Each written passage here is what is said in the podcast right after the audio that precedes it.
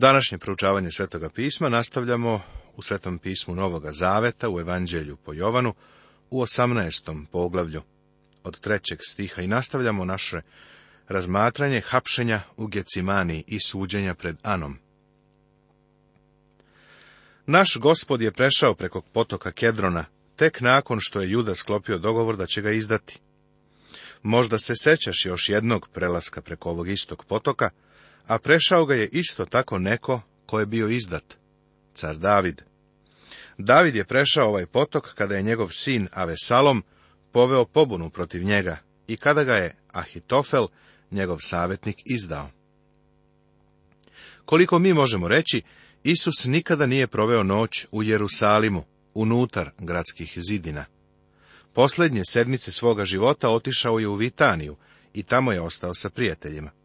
Čak i ove posljednje noći napustio je gradske zidine i otišao na mesto koje se zvalo Getsimanski vrt. Isus odlazi na to tiho mesto da bi svojim neprijateljima pružio priliku da ga uhapse. Želeli su da ga uhvate, ali, pošto su se plašili ljudi, nisu se usuđivali da to učine u hramu, kao ni na jerusalimskim ulicama. Zapazi da Jovan ne govori o agoniji u vrtu. Jovan ne beleži Isusovu molitvu, ni njegovu strašnu patnju. On radije govori o slavi. Naglašava Hristovo božanstvo, iako ostala evanđelja ističu Hristovu ljudsku prirodu. Primetit ćeš da se Isus neće opirati hapšenju. On je jagnje Božije, koje se uopšte ne opire. Kao ovca nema pred onim koje striže, ne otvori usta svojih. Dostojanstvo njegove ličnosti u ovom vremenu je apsolutno izvanredno i potpuno nas preplavljuje. Seti se da se gospod sakrio u prethodnim događajima kada su njegovi neprijatelji hteli da ga uhvate. On je očigledno mogao i da čudesno nestane. Sada se potpuno otvara da ga uhvate. Vrlo je značajno da ovo zapazimo. Tada Juda uze četu i sluge od prvosveštenika i od fariseja, pa dođe onamo sa buktinjama, svetiljkama i oružjem. Luka nam prenosi šta je Isus rekao, izišli ste s mačevima i batinama, kao na razbojnika. Kaže da je izašla četa ljudi. Četa je deseti deo legije i sadrži otprilike pet stotina ljudi. Matej kaže da je veliko mnoštvo došlo sa judom. Zašto su došli u tolikom broju i sa mačevima i buktinjama? To mnoštvo je znao da je Isus činio čuda, pa su mislili da mogu da ga uhvate jedino ako budu poveli veliko mnoštvo naoružanih ljudi. Sada obrati pažnju na dostojanstvo našega gospoda. A Isus, znajući šta će se sve dogoditi s njim, istupi i reče im, koga tražite. Prijatelju, misliš li da je ovo samo neki siroti, slabi čovek koga su u zamku uhvatile pametne religiozne vođe i vlast Rima. Da se on sam nije predao, sve oružje koje su ovi ljudi imali bilo bi potpuno beskorisno i beznačajno. Odgovoriše mu, Isusa Nazarećanina. Reče im Isus, ja sam. A sa njima je stajao i Juda, njegov izdajnik. Ne želim da pređem preko ovoga, jer ni na svetu ne bih želeo da ti ovo promakne. Zovu ga Isus Nazarečanin. Oni mu ne odaju dostojanstvo koje mu pripada. Odbijaju da ga nazivaju Hristom. Ali i to je u redu, jer Isus je ime iznad svakog drugog imena. Dolazi dan kada će se oni na zemlji i oni pod zemljom, pa i sam pakao, pokloniti pred imenom Isus. Ali sada ovo mnoštvo ne priznaje Hrista kao spasitelja, sina živoga Boga. Nisu ga poznavali. Ono što je čudnije od svega ostalog jeste da ga pre svega Juda nije poznavao. Zašto ga Juda nije poznavao? Apostol Pavle kaže, pa ako je i pokriveno naše evanđelje, pokriveno je samo za one koji propadaju, kojima je Bog ovoga sveta oslepio njihove neverničke misli, da ne vide prosvećenje od evanđelja o slavi Hristovoj, koji je slika Božja. Ovo je zapisano u drugoj poslanici Korinčanima, u četvrtom poglavlju. Običan čovek, čovek iz ovoga sveta, ne prima ono što dolazi od duha Božjega, niti to može upoznati, jer se te stvari samo duhovno razaznaju. Verujem da Juda nije poznavao Hrista, jer je Hristos tamo stajao kao gospod slave. Kada im dakle reče, ja sam, ustuknuše i padoše na zemlju. I reč se ova ploti i stanova među nama i gleda smo njenu slavu, slavu kao jedinorodnoga od oca, punog blagodati i istine. Čak i u ovom tamnom času, kad se gospod predavao kao jagnje Božije, koje na sebe uzima grehe sveta, on je otkrio svoje božanstvo, pa su svi ustuknuli i popadali ovim ljudima je otkrio da u potpunosti on sve kontroliše i da ga bez njegovog odobrenja ne mogu ni uhvatiti. Nisu pali unapred da ga proslave, pali su unazad u strahu i potpunom užasu. Mislim da je za trenutak zavladala krajnja konfuzija i da su tada popadali unazad. Oni vide ne samo Isusa iz Nazareta, nego Bogo čoveka, gospoda slave. Ovim se ispunjava proroštvo. Gospod je videlo moje i spasenje moje, koga da se bojim. Gospod je krepost života mojega, koga da se strašim. Ako navale name zlikovci da pojedu telo moje, protivnici i neprijatelji moji spotačit će se i pašće. Psalam 27. prva dva stiha. Ovo je božanska strana. A zatim u psalmu 35. vidimo čovečiju stranu. Neka se postide i posrame koji traže dušu moju. Neka se odbiju natrag i postide koji mi zlo hoće. Sada poslušaj psalam 40. Neka se postide i posrame svi koji traže pogiba o duši mojoj. Nek se vrate natrag i postide koji mi žele zlo. Kakvo ispunjenje ovih reči imamo ovde, kada im gospod u jednom trenutku otkriva svoju slavu. Oni traže Isusa iz Nazareta. Pa on je tu, ali on je gospod slave. Prijatelju moj, koga ti vidiš? Znaš li ko je on? Nespaseni čovek ga ne poznaje. Ljudi čak mogu čitati Bibliju i biti vrlo religiozni i vrlo moralni, a da ipak Isuse iz Nazareta ne vide kao Hrista, sina živoga Boga. Onda ih opet zapita, koga tražite? A oni rekoše, Isusa Nazarećanina. Odgovori Isus, kazao sam vam da sam ja. Ako dakle mene tražite, pustite ove neka idu. Da se ispuni reč koju je rekao, nisam upropastio ni jednoga od onih koje si mi dao. Obrati pažnju na njegovo dostojanstvo. On je nad svim. On im čak govori koga da uhapse, a koga da ne uhapse. Postoji jedno proroštvo koje kaže da će pastira uhvatiti, a ovce će se razbežati. Ali Isus je rekao da ni jedno od tih ovaca neće izgubiti. Učenike neće uhvatiti. Zar nije zanimljivo da oni nisu bili uhvaćeni? Čovjek bi pomislio da će ih dovesti kao svedoke, sa učesnike, ali to se nije desilo. A Simon Petar je imao mač Poteže ga i udari prvosveštenikovog slugu, te mu odseče desno uho. A sluzi beše ime Malh. Zašto radi ovoga nisu uhapsili Simona Petra? Tada Isus reče Petru, stavi maču korice, zar da ne pijem čašu koju mi je dao otac? Lekar Luka nam kaže da je Isus dotakao uho tog čoveka i iscelio ga. Ali zašto ipak nisu uhapsili Petra? Zato što je Isus rekao, pustite ove neka idu. On zapoveda. Simon Petar, jadni neupućeni ribar. Verovatno iznutra bio vrlo bistar i mudrovao. Pitao je gospoda zašto ne može ići sa njim tamo gde je gospod išao. Rekao je da će svoj život položiti za gospoda i stvarno je tako i mislio. Ali gospod mu je rekao da ne poznaje samoga sebe i da će ga se Petar odreći te noći. O, tako je lako podstaći hrišćane da se predaju i da ponovo svoje živote daju gospodu.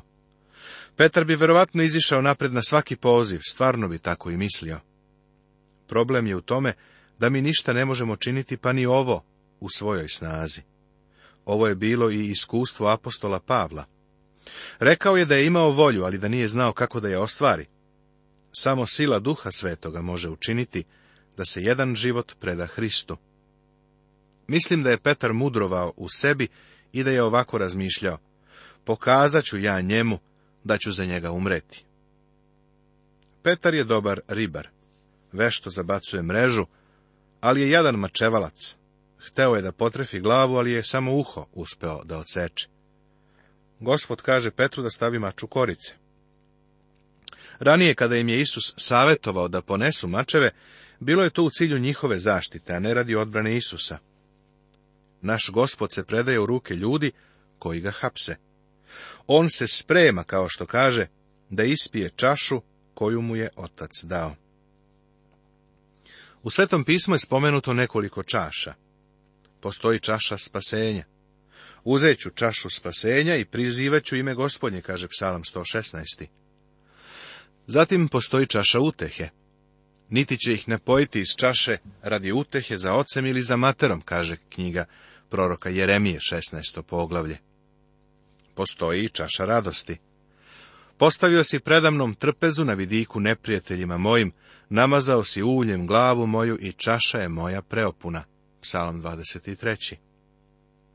Ovu čašu koju je gospod trebalo da ispije, dao mu je Otac Nebeski.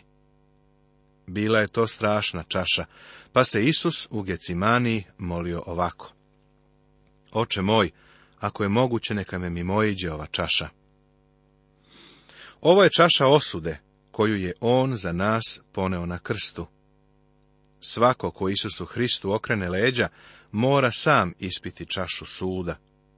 Isus je tu čašu ispio za nas, na krstu, iako je ona bila potpuno odbojna. Seti se da je on bio savršeni čovek, apsolutno bezgrešan, pa ipak je tu omraženu čašu ispio jer je to bila čaša mojih i tvojih greha. Postoji još jedna čaša, čaša suda, koji će tek doći na ovaj svet. Verujem da sedam čaša gneva, koje tek treba da se izliju na zle, kao što je opisano u otkrivenju, predstavljaju ispunjenje ovoga stiha. Pustit će na bezbožnike dažd od živoga ugljevlja, ognja i sumpora, i ognjeni vetar bit će im deo iz čaše kaže psalam 11. Ovo je čaša njegovog besa. Jer ovako mi reče gospod Bog Izraeljev.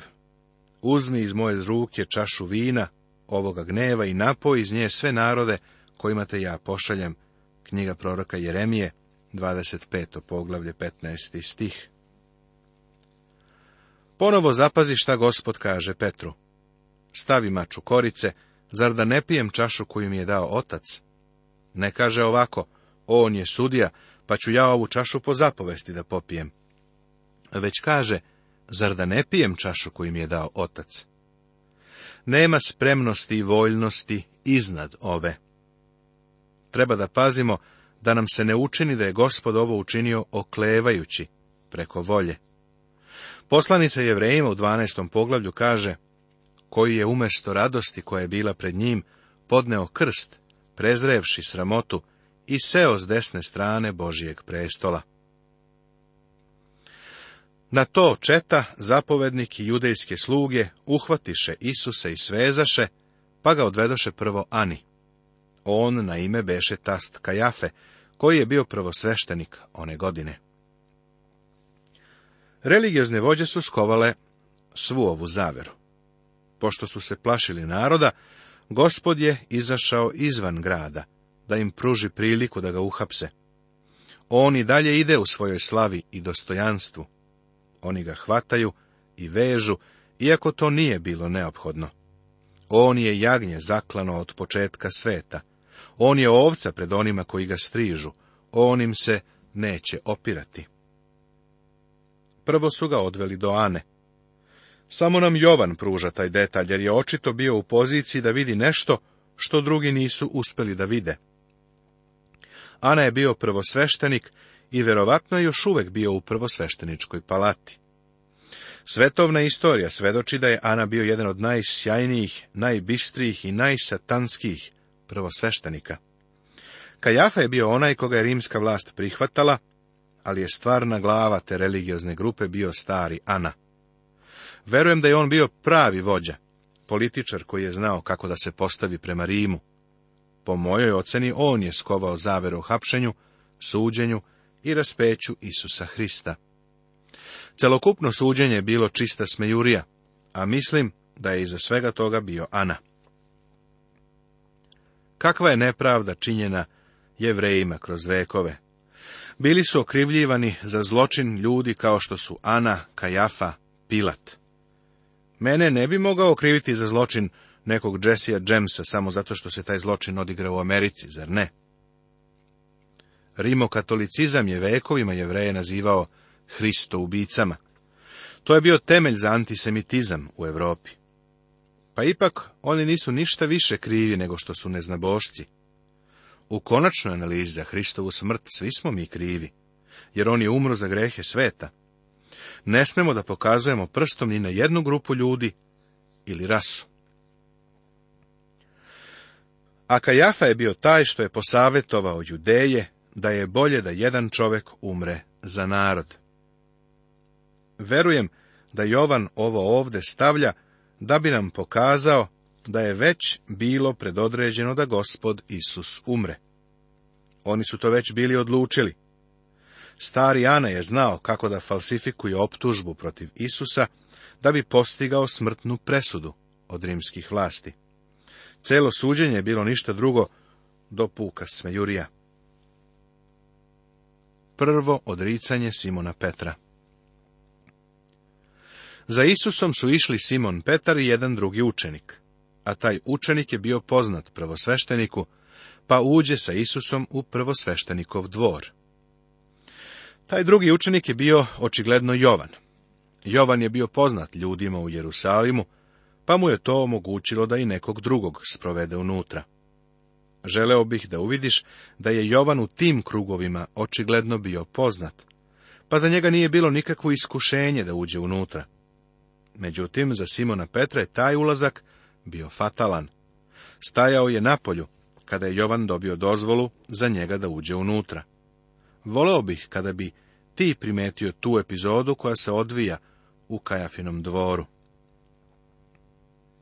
Petar je pak stajao napolju kod vrata. Tada iziđe onaj drugi učenik, prvosveštenikov poznanik, progovori sa vratarkom, pa uvede Petra. Jovan je imao dozvoljen ulazak, ali Petar je bio puki ribar koga niko ne poznaje, pa nije mogao ući. Jovan kaže devojci na vratima da je Petar njegov prijatelj pa ga uvodi. Simon Petar je bio nasmrt preplašen. Vidiš, Jovan je ovdje bio kao kod kuće, ali Simon Petar nikada nije bio u takvom mnoštvu ljudi. Petar je brbljivac, prosto mora da priča. Seti se da nam druga evanđelja govore da ga je devojka okarakterisala kao Galilejca, jer ga je njegov govor odavao. Petar previše priča. Nervozan je tu. Tiho devojčino šaputanje ga je nagnalo da se odrekne Isusa. Ovo možemo primijeniti na svoj život.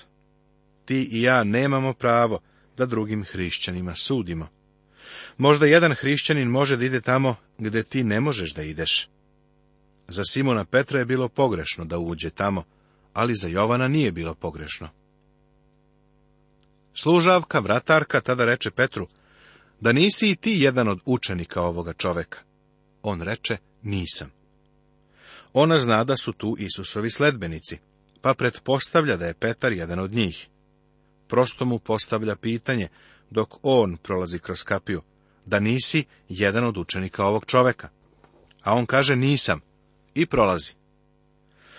A sluge i službenici stajahu, naložiše vatru, jer je bilo hladno, i grejahu se.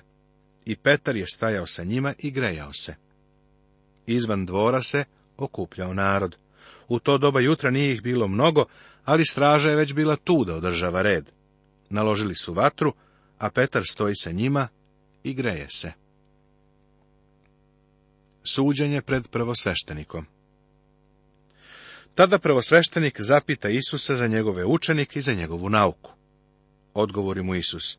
Ja sam govorio svetu javno, uvek sam učio u sinagogi i u hramu, gde se skupljuju svi judeji, i ništa nisam govorio tajno. Što mene pitaš? Pitaj one koji su čuli šta sam im govorio. Eto, oni znaju šta sam im rekao. Ovaj prizor nas vraća na suđenje gospodu Isusu. Ponovo obrati pažnju na gospodnje dostojanstvo.